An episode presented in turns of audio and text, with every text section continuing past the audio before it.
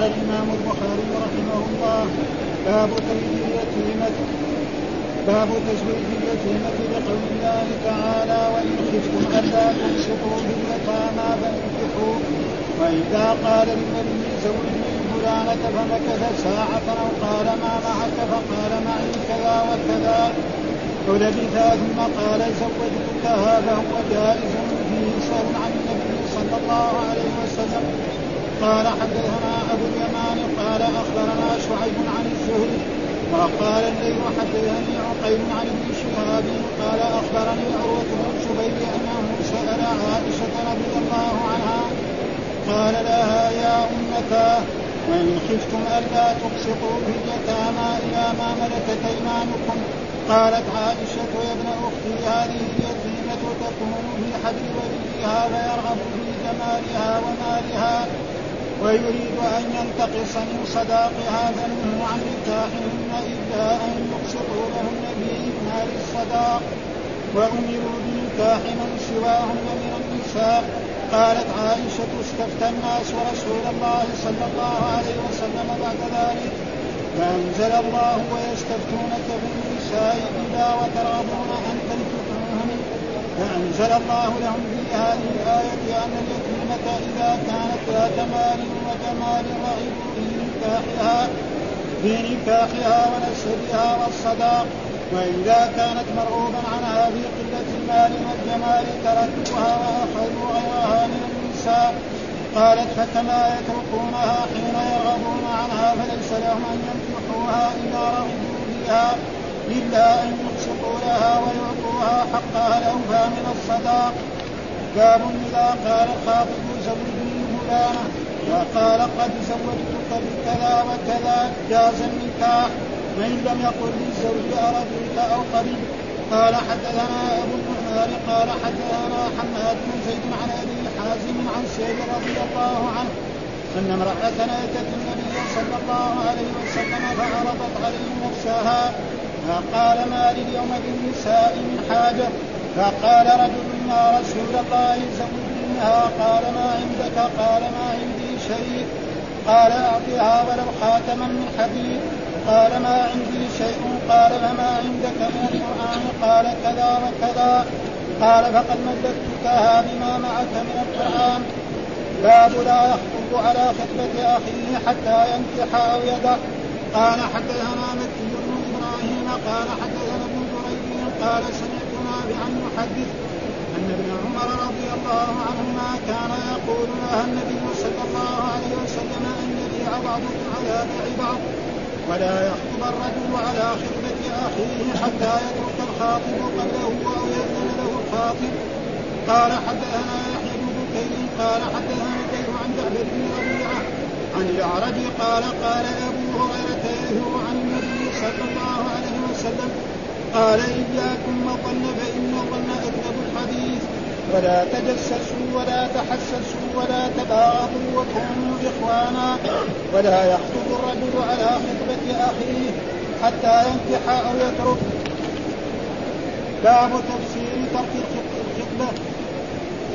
قال حدثنا أبو اليمان قال أخبرنا شعيب عن الزهري قال أخبرني سالم بن عبد الله أنه سمع عبد الله بن عمر رضي الله عنهما يحدث أن عمر بن الخطاب حين تأيمت حفصة قال عمر لقيت أبا بكر فقلت إن شئت انكحتك حفصة انكحتك حفصة بنت عمر فلبثت ليالي ثم خطبها رسول الله صلى الله عليه وسلم فلقيني أبو بكر فقال إنه لم لم يمنعني أن ارجع إليك فيما عرفت إلا أني قد علمت أن رسول الله أن رسول الله صلى الله عليه وسلم قد ذكرها فلم يكن لأشي سر رسول الله صلى الله عليه وسلم. ولو تركها لقبلتها تابعه يونس وموسى بن عقبة وابن أبي عتيق عن الزهري. باب الخطب قال حدثنا قبيصة قال حدثنا سفيان عن زيد بن أسلم قال سمعت ابن عمر يقول جاء رجلان من المشرق فخطبا فقال النبي صلى الله عليه وسلم إن من البيان لسحرا. أعوذ بالله من الشيطان الرجيم. بسم الله الرحمن الرحيم. الحمد لله رب العالمين. والصلاة والسلام على أشرف المرسلين سيدنا ونبينا محمد وعلى آله وصحبه وسلم أجمعين. قال الإمام الحافظ محمد بن إسماعيل البخاري رحمه الله تعالى باب تزويج اليتيمة بقوله قول الله تعالى وإن خفتم ألا تقسطوا في اليتامى فانكحوا ما طاب لكم من النساء مثنى وثلاث ورباع إن خفتم ألا تعدلوا فواحدة يقول باب تزويج اليتيمة. آه باب يعني في جواز أن الإنسان يتزوج اليتيمة لكن بشرط. بشرط أن يعطيها صداقها الكامل الذي يعطيها غيره. ها لازم مثلا يتزوج مثلا مثال لذلك رجل عنده ابنة عمة. وعمه قد مات وصار هو ولي لهذه البنت. فليس له أن يتزوجها إلا بأن يعطيها أعظم الصداق. فإذا كان الناس يتزوج بمئة يعطيها المئة. الناس بألف يعطيها الألف. أما يعطيها أقل من ذلك عشان بنت عمه يقول لك زي ما يقول سمنه في دقيقهم يعني. كذا يعني الناس يقولوا ها؟ سمنه في دقيقة بلاش بدل ما يعطيها 100 يعطيها 10 ويتزوجها. فهذا ممنوع ها؟ لازم يعطيها صدقة فيقول إن خفتم ألا تقسطوا في اليتامى فانكحوا ما طاب لكم. فإذا ما يعدل فيها ويعطيها ما تستحق من الصلاة فينكح ما طاب سواء ينكحها كمان مجانا ما له مشكله ها؟ واحد يبغى يزوج بنته لشخص آخر بأقل شيء نعم فلينكح ما طاب مثنى وثلاث ورباع. له أن يتزوج واحدة ولو يتزوج اثنين ولو يتزوج ثلاثة ولو يتزوج. ويخف فواحدة فإن خفتم أن لا تعدلوا فواحدة. فيقول في هذه الآية ألا تفسدوا اليتامى طيب ما هو اليتيم أو اليتيمة؟ أول اليتيم نعم من فقد والده ها وهو لم يبلغ كل شخص ذكرا أو أنثى فقد والده فإنه يسمى يتيم. ها هذا في الإيه؟ في الإنسان في بني آدم. وفي الحيوان من فقد أمه. ها مثلا شاة أو بقرة أو ناقة فإذا فقد الامه سمى يتيم. وفي الطير يقول من فقد الاثنين فقد الأب والأم لأنه إذا وجد أحدهما ما يصير يتيم. مثلا آه الطير فقد الأب. الأم تجيب اكل يكبر يطير كذلك لو فقدت الام فاليتيم اذا من فقد آه يعني أباه وهو لم يبلغ. فإذا بلغ لا يسمى يتيم. ولأجل ذلك ذكر في هذه الآية يعني في هذه الآية ذكر حديث آه وقد تقدم شرعه وفيه دلالة على تزويج الولي غير الأب التي دون البلوغ ذكرا كانت أو سيد يعني هذا فيه إيه؟ أنه يجوز لغير الأب أن يزوج إيه؟ يعني وليته. مثلا بنت عمه بنت خاله ها بنت خال خاله فله أن يزوج هذا معناه دون الأب بكرا كانت أو لأن حقيقة اليتيمه من كانت دون البلوغ ولا أب لها. دون البلوغ ولا أب لها وقد أذن في تزويجها بشرط أن لا يبخس من صداقها. يعني له أن يتزوج أن يزوجها وله أن يتزوجها. فإذا يبغى يزوجها لغيره له يزوجها مثلا إيه؟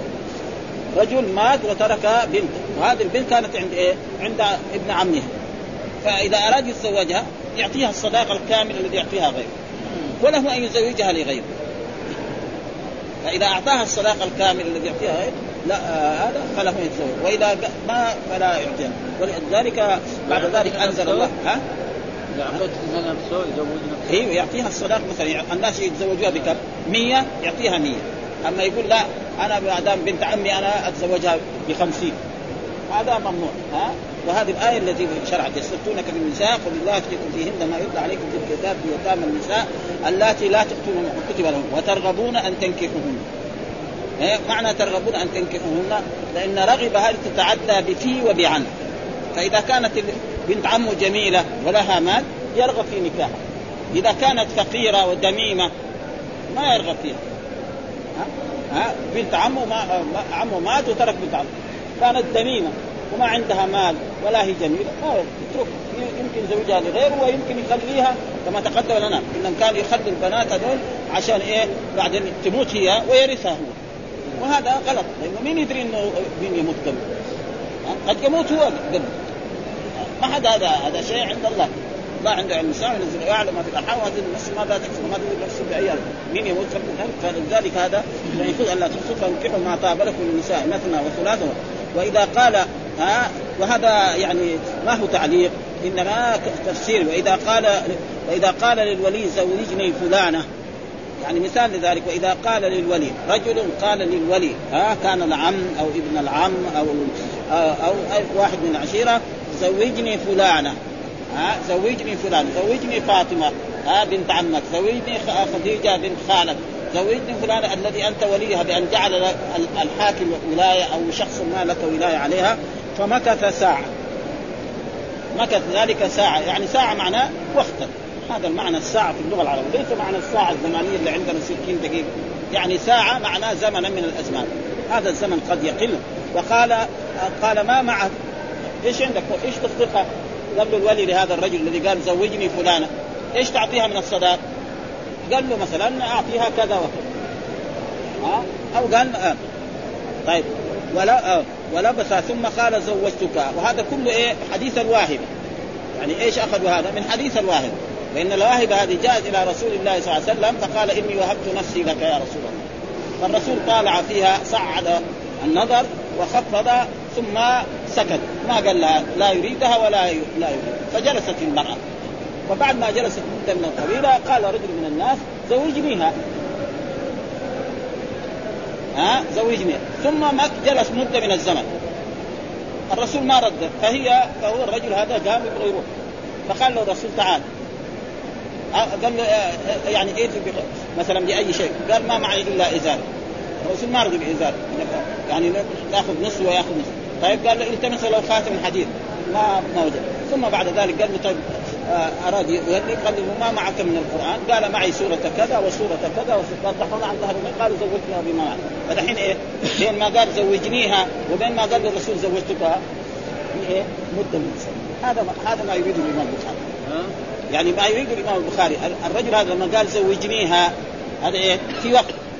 ولما الرسول قال زوجتك بما معك من القرآن في مدة ولا لا؟ من الزمن. ها؟ يعني إيه؟ وقت من الاوقات فهذا فيه دليل. فالرجل إذا قال لفلان زوجني بنتك أو أختك ثم مكث مدة من الزمن ثم قال زوجتك خلاص ها؟ ما يلزم. هذا معنى. ها؟ أو ما معك كذا وكذا ولبث ها؟ ثم قال زوجتكها. قال فهو جائز. إيش قال؟ فيه سهل فيه سهل عن النبي صلى الله عليه وسلم. وهو إيه؟ قصة سهل. أن المرأة هذه جاءت إلى النبي صلى الله عليه وسلم وقالت يا رسول الله إني وهبت نفسي لك. فالرسول طالع فيها صعد فيها النظر وخفض ثم سكت. ولم يقل لها لا أريدك ولا لا أريد. وفي رواية قال أن الآن أنا لا أريد الزواج. في رواية قال أن. ثم بعد ذلك جلست هي مدة من الزمن فقام رجل من أصحاب الرسول قال زوجنيه يا رسول الله إن لم يكن بك فقال له الرسول هل عندك شيء؟ قال ما عندي شيء إلا ازار قال له ازارك ما يسقط فإذا آه، قال تأخذ نصف وأخذ نصف. فإذا أخذت النصف وبقي النصف لا هو استفاد ولا هي استفاد. قال اذهب والتمس له خاتم من حديد. فذهب والتمس ما وجد شيء. ثم بعد ذلك عاد ثم قال له الرسول هل معك شيء من القرآن؟ قال نعم أخذ سورة كذا وسورة كذا وسورة كذا. تحفظ عن ظهر قلب قال زوجتها بما معك من القرآن. فلما قال زوجنيها ولما قال الرسول زوجتها بما معك إيه؟ مدة من الزمن. هذا ما هذا ما يريده الإمام البخاري. ها؟ وإن قال زوجني فلانه فسكت ساعة. يعني مدة من الزمن. أو قال ما معك فقال معي كذا وكذا ولبث ثم قال زوجتك فهو جائز. فيه سهل عن النبي صلى الله عليه وسلم. وهذا حديث تقدم لنا غير ما مر. كم مره دحين؟ شوف. طيب الحديث الذي يدل على ذلك حدثنا أبو اليمان قال أخبرنا شعيب عن الزهري وقال الليث حدثني عقيل عن ابن شهاب أخبرني عروة بن الزبير أنه سأل عائشة. ها عروة بن الزبير عائشة تصير خالته. وهي من من الصحابة ومن علماء الصحابة وهو تابعي. ها وهو أحد الفقهاء السبعة. ها فقال لها يا أمتا. اصله إيه؟ يا أمي. وهي إيه؟ تسمى لأنها خالة. والخالة تسمى أم في اللغة العربية. ها وهي من أزواج النبي صلى الله عليه وسلم. وهو وأزواج الرسول أمهات المؤمنين كلهم. وإن خفتم أن لا تقسطوا في اليتامى فانكحوا ما طاب لكم من النساء مثنى وثلاث ورباع فإن خفتم أن لا تعدلوا فواحده أو ما قال قالت عائشة يا ابن أختي ها؟ قال يا ابن أختي هذه اليتيمة تكون في حجر وليها فيرغب في جمالها. يعني مثال ذلك يموت رجل ويترك بنتا له وتكون هذه البنت عند عند ابن عمها. ها؟ عند ابن عمه. فيريد إيه يتزوج. العم ما يتزوج. ها بنت أخوه. ها؟ بنت عم أو بنت خاله فيرغب في جمالها ومالها تكون جميلة ولها مال ويريد أن ينتقص من صداقها. يعني إذا كان يتزوجها الآخر بمئة هو يتزوجها بخمسين أو بأربعين أو بثلاثين. فالله نهاهم عن ذلك. وقال لا إذا تبغى تتزوج بنت عمك هذه لأنها جميلة ولها مال فأعطيها ما يعطيها الناس كلهم. فنهوا عن نكاحه. إلا أن يقسطوا لهن في كمال الصداق. يعطوها كمال الصداق. نعم وأمروا بنكاح من سواهن. ها؟ قال فانكحوا ما طاب لكم من النساء مثنى وثلاث ورباع يبغى ما يتزوج. بنت عمه يروح يتزوج واحدة كمان بريال. إذا ولي راى يزوج بريال تفضل أما هذول ما يتزوجها إلا يعطيها حقها كامل. هذا معناه ها؟ قالت عائشة استفتى الناس. والمراد بالناس هنا أصحاب النبي صلى الله عليه وسلم رسول الله بعد ذلك فأنزل الله ويستفتونك. ها؟ وهذا كثير موجود في القرآن يستفتونك في النساء فقل الله يفتيكم فيهن ما يتلى عليكم في الكتاب في يتامى النساء اللاتي لا تؤتون ما كتب لهن وترغبون أن تنكحوهن. وترغبون في أن تنكحوهن. ها؟ نقول ترغبون في أن تنكحوا أن حرف المصدري ونصب وتنكح فعل مضارع منصوب على نصب حذف النون. و... وأنه ما دخلت عليه في تأويل مصدر مجرور بإيه؟ بتي وترغبون في نكاحهن. كذا نفسر ها؟ اليوم أو إذا كانت فقيره وما عندها مال وترغبون عن أن تنكحوهن. لانها كانت ما ما هي جميلة وما عندها مال ما يرغب بنت عمه. يروح يتزوج واحدة أحسن أجمل منها. ها ها. في نكاح. ونسب في جمالها ورغبوا في نكاحها ونسمها. في نكاحها قال فأنزل الله عز وجل في هذه إن اليتيم إذا كانت ذات مال وجمال ورغبوا في نكاحها ونسبها يعني ذات نسب ها شريفه والصداق وإذا كانت مرغوبا عنها. مرغوبا يعني ما ما يريدها لأنها ما هي ذات مال وليست ذات جمال وليست كذلك لها نسب يعني مرأة عادية ها ها تركوها وأخذوا غيرها من النساء. وهي فانكحوا ما طاب لكم من النساء مثنى وثلاث ورباع. قالت فكانوا آه فكما يتركون حين يرغبون عنها فليس لهم أن ينكحوها إذا رغبوا فيها. آه فلما تكون ما هي جميلة وما عندها مال يروح يتركها يروح يتزوج يترك بنت عمه يروح يتزوج مرأة أجنبية. ولما تكون ذات مال وذات جمال وعندها مال يقوم يتزوجها. فإذا كذا كان كذلك فيتزوجها ويعطيها صداقة كامل اللي يعطوها الناس. وإذا فعل غير ذلك فقد إيه أساء. وقد خالف أمر الله وأمر رسوله صلى الله عليه وسلم. ويعطوا حقها الأوفى من الصداق آه يعطوها الأوفى من الصداق والحديث يعني غير ما مر مر علينا فما في حاجة آه. آه. وهنا وهنا يعني الفرق إنه رواه على لفظ شعيب لأنه هو في راويين هنا قال شعيب عن الزهري وهنا قال الليث وهنا رواه عن إيه؟ عن شعيب ف يعني المشايخ البخاري كذا وكذا ها وقد افرده بالذكر في كتاب الوصايا كما تقدم ثم باب فذلك الباب الثاني. باب إذا قال الخاطب للولي زوجني فلانا. فقال زوجتك بكذا وكذا. جاز النكاح وإن لم يكن للزوج أرضيت أو قبلت. برضو هذه ترجمة كمان مهمة. يقول باب إذا قال الخاطب للولي زوجني. الخاطب قال للولي قال للأب قال للعم قال لابن العم قال الذي له ولاية على هذه المرأة زوجني فلانه فقال الولي زوجتك بكذا وكذا زوجتك بعشرة أو بمية أو بأقل أو بأكثر ها آه زوجتك بما معك من القرآن. مثل في الحديث قال جاز النكاح. ولو لم يقل الرجل ها آه قبلت. أي مع أنه القواعد العامة أنه لازم الزواج لازم يكون إيه؟ إيجاب وقبول. ها آه الولي يقول زوجتك والزوج يقول إيه؟ قبلت نكاحها لنفسي أو لابن فلان أو لأخي فلان. وهنا يقول الإمام البخاري مو لازم. ليه؟ إيش الدليل؟ لأنه قال زوجنيها. ها خلاص هو. هذا الرجل اللي استدل بالحديث قال زوجنيها. ثم بعد ذلك قال زوجتكها بمال. في الحديث ما ما جاء في الحديث أن الرجل هذا قال للرسول قبلت هذا. ليه؟ لأن العلامة باين. الرجل قال زوجنيها إن لم يكن بك حال ها ثم هي جلست. ثم هو جلس في المجلس مدة من الزمن. ثم بعد ذلك لما شاف ما في فائدة قام راح فناداه الرسول. ها؟ يعني التمس ولو خاتم الحديد برضه ما وجد شيء. ثم في الأخير قال الرسول زوجتها بما. فهو ما قال قبل ولا قال رضيت مع أن القواعد العامة ان الزواج له أربع أركان. في زوج وزوجة وإيجاب وقبول. لازم أربع أركان. هذه لابد منها. فهنا دحين في زوج. وفي زوجة. نعم. في إيه؟ إيجاب وقبول. الإيجاب موجود. القبول ما في في لفظ الحديث. فيقول الإمام البخاري يفهم من ذلك ان والشارح ذكر هنا قال وإن لم يكن للزوج رضيت أو قبلت. إذا قال الخاطب وبه يتم وهو الفاعل وإن لم يقل. وأورد المصنف حديث السهل بن سعد في قصة الواهب وفي هذه الترجمة مع وهذه الترجمة معقولة لمسألة هل يقوم الالتماس مقام القبول لما قال زوجنيها. زوجنيها معناه إيه؟ يعني يبغاها هذا خلاص باين ها؟ زوجنيها و...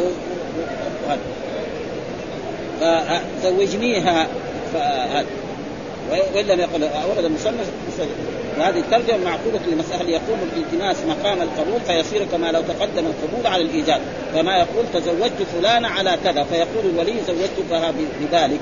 ها؟ أو أو أو لا بد من إعادة القبول. فاستنبط البخاري من قصة الواهب أنه لم يقل بعد قوله زوجتها بما معك من القرآن أن الرجل قال قبلت. ما قال ها؟ وهذا يفهم من ذلك. ليه؟ لأنه باين أنه هو قابل لأنه طلب ورسم الكلام في هذه القصة غني عن التوقيف والخاطب عن القبول لما تقدم من المراوضة وطلب والطلب والمعاودة في ذلك. فمن كان في مثل هذه هذا الرجل الراغب لم يحتج إلى لسبق العلم برغبته بخلاف غيره. مثلا في غير هذا مثل هذا الرجل لازم إيه؟ إذا قال له الخاتم زوجته لازم يقول قبلت. قبلت زواجها أو قبلت نكاح. أما بس إذا يقول له زوجتك يقول يروح؟ لا. لكن مثل هذه لأنه باين الرجل قال له زوجنيها ها؟ وكرر. وقعد مدة من الزمن. ثم بعد ذلك الرسول قال له التمس ولو خاتم من حديد. التمس كذا فباين فلذلك يفهم من ذلك أنه في مثل هذا جاء وفي غير ذلك لا. ولذلك يعني بعض لا ولا يلزم من ذلك إلا يقول زوجتكها. تقدم لنا حديث يقول إيه؟ ملكتكها. فلو قال له ملكتك بنتي. خلاص. لكن بعض الكتب زي الحنابلة في الفقه يقول لازم يقول زوجتك أو أنكحتك. بغير هذا اللفظ ما قال له خذ بنتي. أعطيتك بنتي. غيرهم المحدثين يقولوا جاي لأنه اعطيتك معنى إيه؟ ما أعطيتك يعني تصير اما عندك. أعطيتك اياه تكون زوجة. هذا فلا ما تعبدنا بالأصل. كذلك في البيع والشراء. ها مثلا في بعض الأشياء موجودة في مثلا الخبز هذا كل خمسة اقراص بريالين ما يحتاج يقول له كم تبيع الخبز هذا؟ يقول له لا بريالين. يقول له لا. ها طيب أنا اشتريت. ما في حاجة. خلاص ياخذ بعض الخبز هذا الخمسه ويحسبه ريالين ما يحتاج ألفاظ ولا يحتاج لكلام لأنه شيء معروف يعني. والأشياء كذلك المعروفة في البيع والشراء يعني موجودة فالله لم يتعبدنا بالألفاظ. قال ما لي اليوم والنساء حاجة. ها وقد في الذي قبل وجه الخدش في أصل في الله. وقوله في الرواية فقال مال اليوم في النساء فيه إشكال من جهة لأن في حديث فصعد النظر إليها فهذا دليل على أنه كان يريد التزويج لو أعجبته. فكأن في معنى الحديث مالي في النساء إذا كن بهذه الصفة في من حاجة. ويحتمل أن يكون جواز النظر مطلقا من خصائصه وإن لم يريد التزويج. هل يجوز للرجل أن ينظر إلى المرأة؟ وإذا ما أراد زواجها الجواب جائز. يعني بالنسبة للرسول جائز. ان الرسول ما يخشى عليه. ها؟ أما غيره لا. مثلا رجل يقعد ما يبغى يتزوج يقعد يتفرج على النساء ما يؤدي إلى نتائج سيئة. أما الرسول صلى الله عليه وسلم فمعصوم. له أن ينظر إلى الزواج وفي أحاديث كثيرة تدل على ذلك ها؟ كما سيأتي في حديث بعد هذا. ثم ذكر باب لا يخطب آه لا يخطب على خطبة أخيه حتى ينكح أو يدع. باب هذا ها؟ وهنا لا يخطب ولا يخطب. فإذا قلنا لا يخطب هذا بالنهي هذا هذا جائز. وإذا قلنا لا يخطب يصير نفي والنفي أبلغ من النهي. يعني في اللغة العربية النفي أبلغ فيقول لا يخطب آه على خطبة أخيه. خطبة معناه خطبة النكاح. يعني مثال ذلك أن رجل أن امرأة عند أبيها سواء كانت بكرا أو سيب وجاء محمد وخطبها وجاء خالد وخطبها وجاء محمود وخطبها. ثم بعد بعد ذلك علي سمع أنها بتخطب فليس له أن يذهب ويخطبها. حتى هذاك. إما ينكح يتزوج خلاص ما يمكن يكتبها وإما يبطل. يقول أنا ما أريد هذه المرأة. أو اشترط عليه شروط أو قالوا له جيب مهر كثير ما يقدر فبعد ذلك الإنسان أن يخطب. هذا معنى. ها؟ لا يخطب على خطبة أخيه. والنفي أبلغ. لا يخطب بضم الباء. هذا معنى النفي. النهي معناه لا يخطب. ها؟ في لا ناهية. ويخطب فعل مضارع منصوب على الجزم على خطبة. الخطبة معناه خطبة النكاح. خطبة معناه إيه؟ الخطبة التي يلقيها الخطيب في الجمعة أو في الأعياد أو في المدارس أو في الجامعات. ففي خطبة خطبة النكاح. خطبة الخطبة التي تلقى في الجمعة. كل إيه كثره وهذا معروف في اللغة العربية. ولذلك هنا قال لا يخطب على خطبة. ما قال على خطبة يا أخي. ها؟ فيصير تمييز بين إيه؟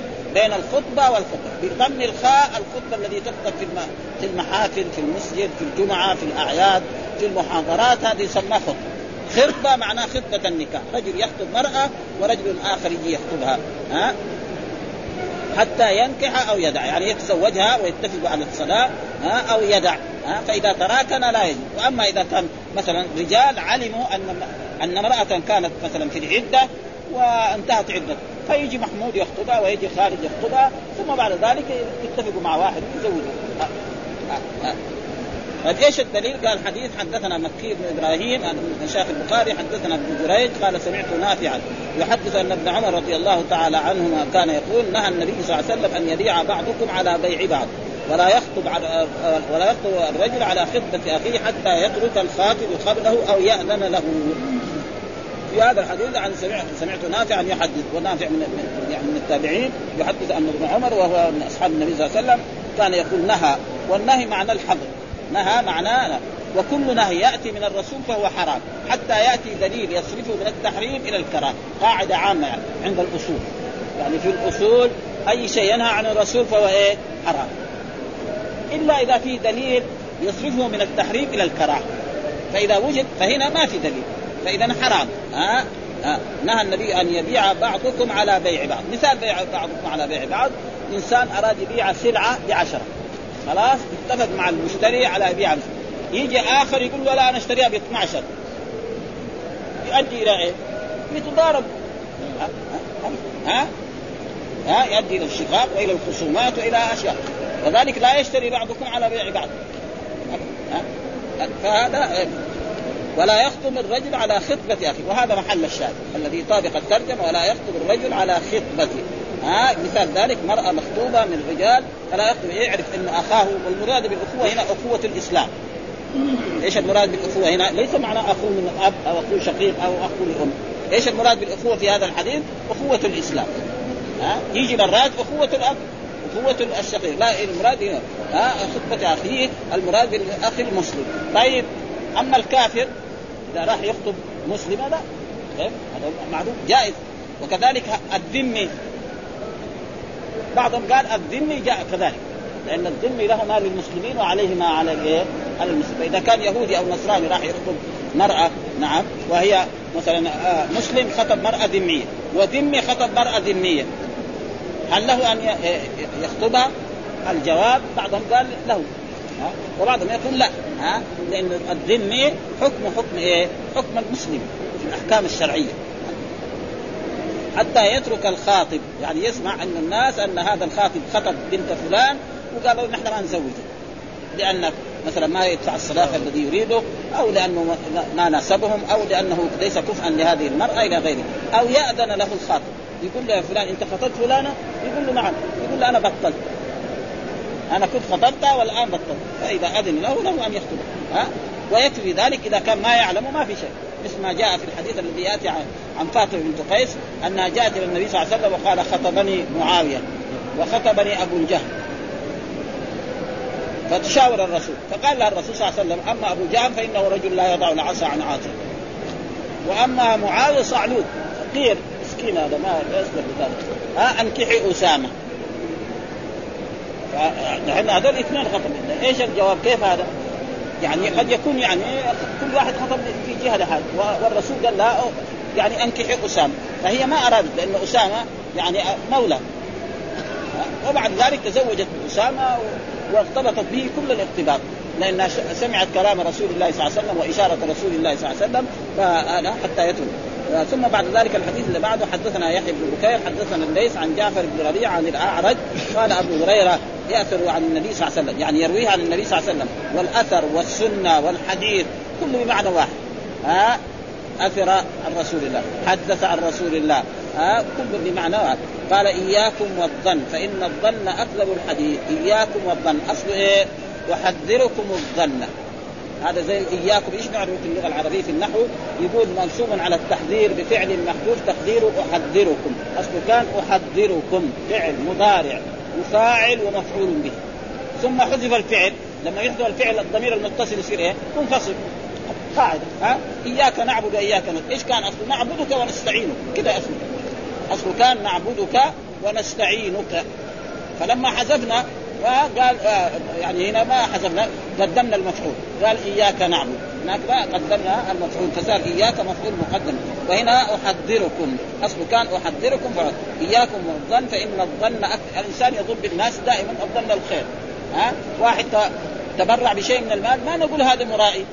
ما له نقول إن شاء الله صدقة مقبولة ولا نحسن الظن. رجل بيصلي أو بيذكر الله ما نقول لا هذا مرائي. ما آه رجل يكون يظن بأهله عدم الطيب يكون جالس في البيت أو جالس في يقول والله لعل واحد دخل بيتي اعتني يروح يجري ورا البيت يدور عليه. ليش هذا الشكوك هذه؟ ها؟ فإياكم الظن فإن الظن أكثر ولا تجسسوا. التجسس معناه يعني يتجسس على الإنسان يشوف فين راح وفين ذهب وفين. والتحسس في فرق بين التحسس والتجسس يقول التجسس في الأقوال ولا في الأفعال هو ما شرح لأنه تقدم في البيع. يعني هذه الأحاديث كانت في البيع والبيع تقدم. إنما دحين ولا تباغضوا. التباغض يعني لا تفعل الأشياء التي تؤدي إلى البغض. فمن من الأشياء التي تؤدي إلى البغض أن يبيع بعضكم على بيع بعض. ها؟ وكونوا إخوانا. ها؟ وفي رواية وكونوا عباد الله إخوانا. وكونوا إخوانا. إخوانا هذا خبر كان. الواو هو الاسم وإخوانا هو إيه؟ وكونوا إخوانا. يعني اخوه إيه؟ الإسلام. ها؟ والا ما يجوز واحد يتزوج يعني أخته ولا هذا ولا يعني أخوه إذا إذا تزوج ما ما يتزوج ها؟ والحديث ولا يخطب على الرجل على خطبة أخيه حتى ينكح أو أو يذر برضه نفس الحديث بهذا. الحديث جابوا بين النكاح. ها؟ الحديث هذا. إيه. جابوا بين النكاح اياكم الظن ما هو ما يتعلق بالنكاح.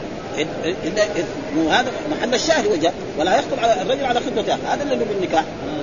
هذا محله وأما الثاني ذا استدراج لا يبيع بعضكم على هذا فين محله؟ في البيوع. اياكم الظن. ها؟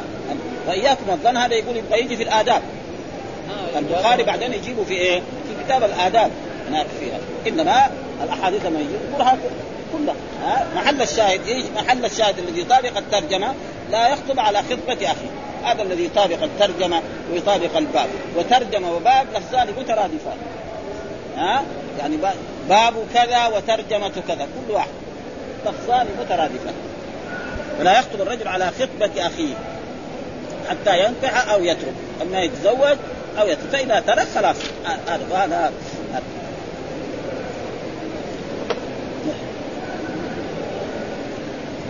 قال الجمهور هذا النهي للتحريم وقال الخطابي هذا النهي للتأديب وليس بنهي تحريم يبطل. يعني لو فرض أن إنسان يعرف أن أخاه المسلم خطب وهو راح خطب وزوجه. إذا قلنا حرام معناه إيه؟ النكاح باطل. الجواب ما هو باطل. ما هذا يعني فعلت فعل محرم. رجل يعرف أن أخاه المسلم خطب فلان فيقول هو يروح يخطبها يقوموا يزوجوه الثاني طيب إذا زوجوه إيش نقول له؟ نقول له نكاحك باطل؟ ما نقول لك نقول أنت فعلت شيئا محرم. بس. ها؟ انه هذا خلاص. سلم الصداق وزوج فهذا هو صحيح وبعضهم يقول لا إنه لازم يبطل الزواج وبين بيان البطلان عند الجمهور بل هو عندهم للتحريم ولا يبطل بل حكى النووي أن النهي فيه للتحريم بالإجماع ولكن اختلفوا في شروطه فقال الشافعيه والحنابلة محل التحريم ما إذا صرحت المخطوبة أو وليها التي أذنت له حيث يكون ابنها معتبرا بالإجابة فلو وقع التصريح بالرد فلا تحريم ولو لم يعلم الثاني بالحال فيجوز الهجوم على الخطبة لأن الأصل الإباحة وعند الحنابلة في ذلك روايتان. وإن وقعت الاجابه بالتعريض كقوله لا رغبة لا رغبة عنك. آه لا رغبة عنك. يعني أنا أبغاك فقولان عند الشافعي والأصح هو قول المالكية والحنفية لا يحرم أيضا. وإن لم وأشار النووي غيره أنه لا حجة فيه الاحتمال أن يكون خطبا معا أو لم يعلم الثاني. ها والحجة فيه قول فاطمة خطبني معاوية وأبو جهل فلم ينكر النبي صلى الله عليه وسلم ذلك عليهما. بل خطبها لأسامة وأشار النووي وغيره إلى أنه لا حجة في احتمال أن يكون خطب معا أو لم يعلم. الثاني يقول أسامة لم آه أبو جهل لما خطب المرأة هذه. ويدري عن الخطيب الثالث؟ ما يدري. ها, ها؟ ثم هي وبي وفهم الرسول أنها لا تريد لا هذا ولا هذا. فلذلك الرسول قال لها انكحي أسامة. تزوج أسامة. وإلا لو كان الرسول علم أنها تريد واحد منهم ما يقول لها.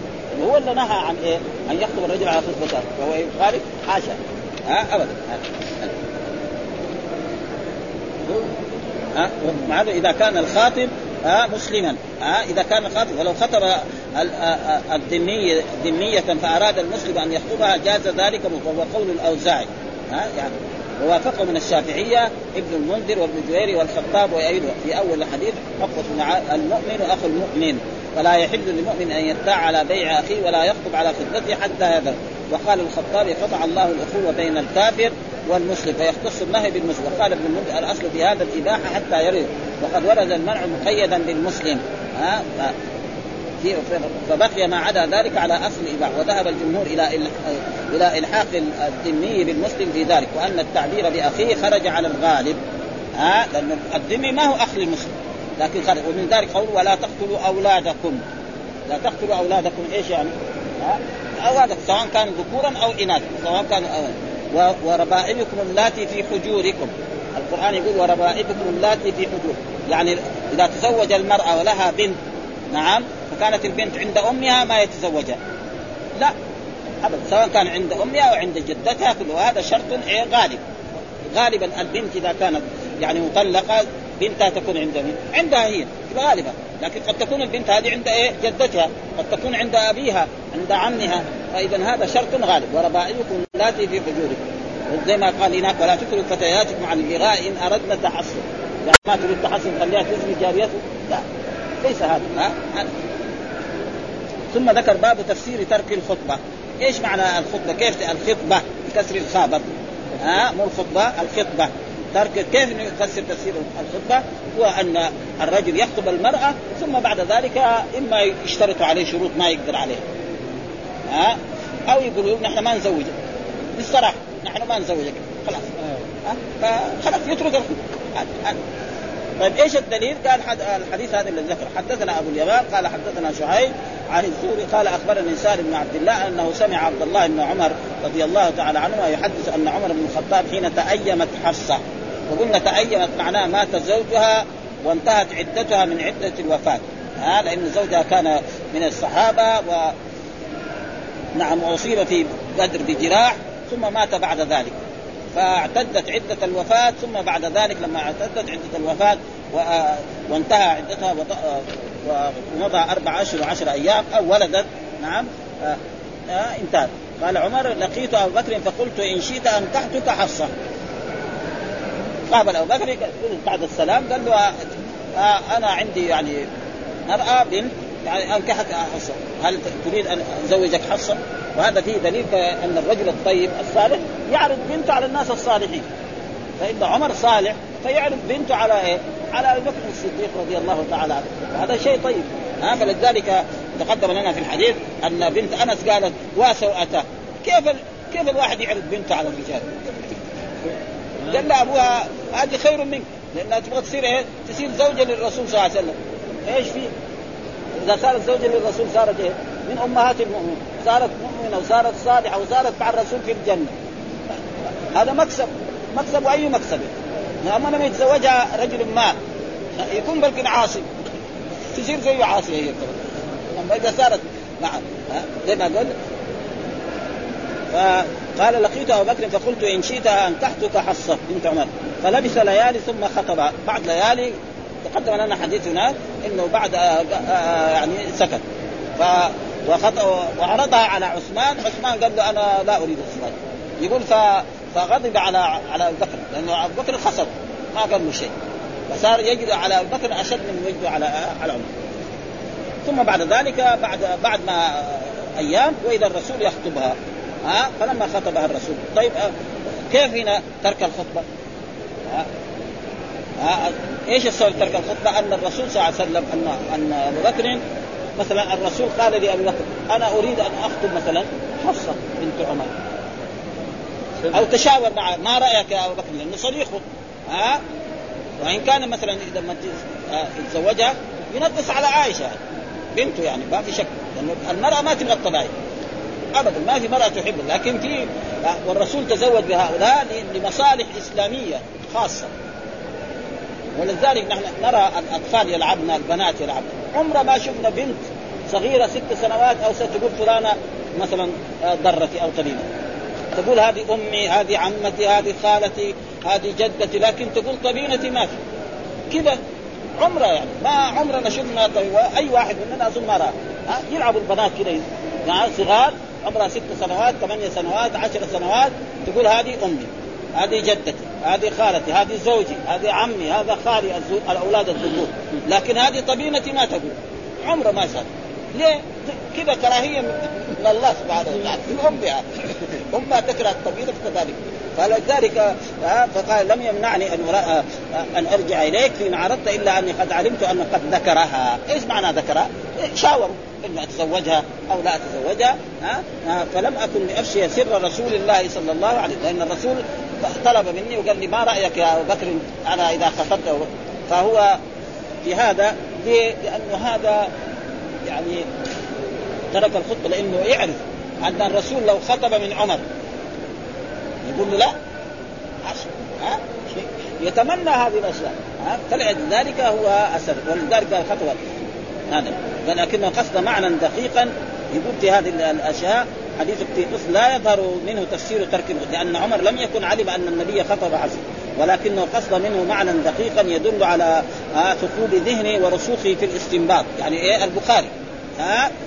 وذلك أن أبو بكر علم أن النبي إذا خطب إلى عمر أنه لا يرد بل يرغب فيه ويشكر الله على ما أنعم الله عليه بعدما كانت تكون مرأة صحابية تسير من أمهات المؤمنين بنت هذه ميزة كبيرة. ها وهذا يكون سبب في دخولها الجنة. فلذلك صار عنده كأنه هو ترك الخطبة مرة واحدة. فقد علم في هذا الحال مقام الركون والتراضي يعني أنهم إيه؟ تقاربوا. الرسول لما بدي اخطبها فكأنه يقول كل من علم أنه لا يصرف اذا خطب لا ينبغي احد أن يخطب على خطبة. يعني إذا علمنا أن محمد خطب بنت فلان وعلمنا في المئة خمسة وتسعين أنه يزوج إياه. فليس لرجل آخر يخطب يعني مثال ذلك آخر أن رجلا خطب بنت محمد. وعلمنا أن محمد هذا سيزوج هذا الرجل. فليس لأحد يروح يخطبها لأنه هو رجل مثلا عظيم.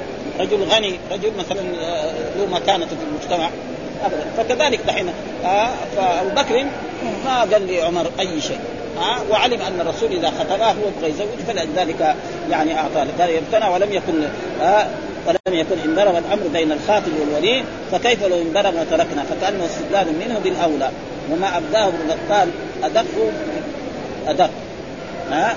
وأولى والله أعلم. تابعه موسى بعد ذلك باب الخطبه الخطبة معناها خطبة النكاح. ها؟ خطبة النكاح. ومعلوم أن خطبة النكاح مشروعة. ها؟ خطبة النكاح مشروعة. والرسول علمنا اياه أن الإنسان إذا أراد أن يتزوج يقول يعني يدعو بهذا الدعاء. يقول الحمد لله. نستعين ونستغفره ونستهديه ونؤمن به ونتوكل عليه. ثم بعد ذلك يقرأ الآيات التي وردت فيها الناس انه خلقناكم من ذكر وأنثى وجعلناكم شعوبا وقبائل لتعارفوا. يا الناس ربكم الذي خلقكم من نفس وخلق منها زوجها وبث منها رجالا كثيرا ونساء واتقوا الله الذي تسالون به والأرحام. يا الذين آمنوا اتقوا الله حق تقاته ولا تموتن إلا وأنتم ثم مثلا إن الرسول أمر بالنكاح تزوجوا الودود الولود فإني مكاثر بكم الامم بعد. فهذه هي خطبة تسمى خطبة الحاجة. ها فالرسول كان يفعل فهذه لا بأس. وهي ليست شرطا. لأن الرسول الحين لما زوج الرجل ما خطبه. ها قال له زوجتها بما معك من القرآن. فلو رجل قابل رجل قال له زوجتك بنتي فلانة. خلاص تم وقال له هذا قبلتها ها إنما الآن صارت في أشياء يعني أشياء لإيه؟ لمصالح للإنسان. مثلا الآن ما يتزوج إلا إيه؟ المأذون الشرعي أو المحكمة. ليه كل هذا؟ باسباب الناس. في هذه في فوائد مصالح. اذا إذا المأذون الشرعي تزوجوا يعطي له إيه؟ وثيقة، هذه الوثيقة يروح يصدقها في المحكمة. بعد ذلك يقدر يضمها إلى حفيظه، ثم بكرة تجيب أولاد يقدر يضمها إلى حفيظه أو إلى إقامة، فصارت هذه الأشياء أشياء نظامية. أشياء نظامية لمصالح، ثم بعد ذلك الآن حتى شهادة الميلاد ما يأخذها الأب إلا بعد ما يثبت أن ولده الصغير هذا قد أخذ الإبر اللازم. يعني إبرة السعال الديكي و... و... وكذلك الحمى الحمى الشوكية لابد فإذا أخذها يعني بعد سنة حتى يأخذ شهادة الميلاد، أول كان شهادة الميلاد هل ما تخرج الأم من المستشفى يأخذ شهادة الميلاد، فحين بعد سنة يأخذ شهادة الميلاد. أو بعد ثمانية أشهر أو ستة أشهر أقل كل هذا نظم دولية. مصالح. ولذلك الآن يعني الاطفال الصغار أحسن صحة من أولادهم، أول كان يموت بالسعادة ذيك كل سنة كذا. ها؟ ويموت بالحمى الشوكية ويحم بالاشياء، الان على كل حال الأطفال يعني أحسن. لأنه ابدا بعد كذا يوم يأخذ كذا من إبرة، بعد كذا مدة يأخذ كذا، فهذه كلها مصالح يعني استفاد منها الناس، وإلا ليس شأن الخطبة هذه شرط ها؟ فإذا الولي قال لي للمتزوج قال له زوجتك بنت فلان أو أختي فلان. خلاص انتهى. وقال له هذا قبلت خلاص انتهى. لكن هذه أشياء نظامية فالإنسان يفعلها. لأنه إذا ما فعلها بكرة يتعسر عليه المسائل كلها. ها؟ بكرة الولد هذا يكبر يبغى يدخل المدرسة يقولوا تعال جيب شهادة ميلاد. ما نقبله. سواء كان سعودي أو غير سعودي يعني ما يقبلوه ابدا لازم يغلق ست سنوات ويدخل المدرسة لازم ما عنده هذه ما يدخل. طيب بعدين هذا الولد هو يموت. يكبر الولد يضيع في في المجتمع. ما يصير ها؟ فلازم نحن كل إنسان عنده ولد أو عنده لازم يساوي هذه النظم عشان يصير. وهي ليست يعني شروط شرعية لكن فيها مصالح. فالإنسان ما يترك هذا. يعني أي واحد من اخواننا سواء كان سعودي أو غير سعودي لازم يفعل هذه الأشياء عشان يرتاح في المستقبل ويرتاح هذا الطفل ويكون به المراد. هذا طيب. والثاني تحسين اللفظ حتى يستميل قلوب السامعين. رجل مثلا يبغى يتزوج بنت فلان ويعرف هذا الرجل عنده أدب. يحب الأدب يساوي قصيدة يمدح فيها. يزوج. ها رجل عقله في الأدب وفي الشعر وفي يساوي قصيدة كذا رنانة ويمدح ويمدح بنته ويمدح قبيلته. دور يقول له زوجته هذه هذه الخطبة هذه الخطبة الذي يريدها في هذا ها؟ ها رجل لا ما ما يبغى الدنيا. يعطي له كسر من الدنيا يعطي له فلوس كثيرة يزوجه هذه ها؟ والثاني التحسين حتى يستميل قلوب السامعين والثاني هو الذي يشبه يشبه بالسعر والمضمون منه ما يقصد به الباطل. ها؟ وقد جاء في أحاديث عن رسول الله صلى الله عليه وسلم إنكم تختصمون إليه فلا يكون بعضكم ألحن بحجتهم بعض. فأحكم له على نحو ما أسمع فإنما أقضي له نعم قطعة من النار فليأخذها أو ليدعها لأنه في بعض الناس مثلا يروح في المحكمة ما يقدر يتكلم أمام القاضي واحد كل يوم يدخل المحكمة. يتكلم أمام الدنيا كلها ولا يتكلم فهذاك لما دخل. زي ما واحد يدخل مثلا يساوي عملية في في غرفة العمليات يشوف الأدوات حقت الاسنان يخاف هو بنفسه. كذلك بعض الناس لما يدخل أمام القضاة وأمام الناس ما يعرف يتكلم لأنه هو ما عرف هذا. وآخر لا. ها؟ أبدا. فيقوم هو بكلامه وبلسانه وبفصاحته حتى يظن القاضي إنه هذا مخطئ وهو في الحقيقة مخطئ والرسول قال هذا الكلام. ها؟ لعلكم تختصمون فيكون بعضكم ألحن بحجته من بعض فأقضي له على نحو ما أسمع فإنما أقضي له نعم قطعة من النار فليأخذها أو ليدع. يعني الحاكم لا يحلل الحرام. هذا الرسول يقول هذا فإذا القضاة من باب أولى وأحرى ها؟ فلذلك هو هذا المراد بالإيه؟ بالآية وشبه الفعل صرف الشيء. قلت فمن هنا تؤخذ المناسبة ويعرف أنه ذكره في موضعه وكأنه أشار إلى أن الخطبة وإن كانت مشروعة في النكاح فينبغي أن تكون مقتصده ولا يكون فيها ما يقتضي صرف الحق إلى الباطل لتحصيله والعرب تطلق لفظ السحر على الصرف يقول ما اسحنك عن كذا أي ما صرفك. وأخرجه أبو داود من أخرجه أبو داود من حديث صخر بن عبد الله عن ابي عن جدي أن من البيان سحرا.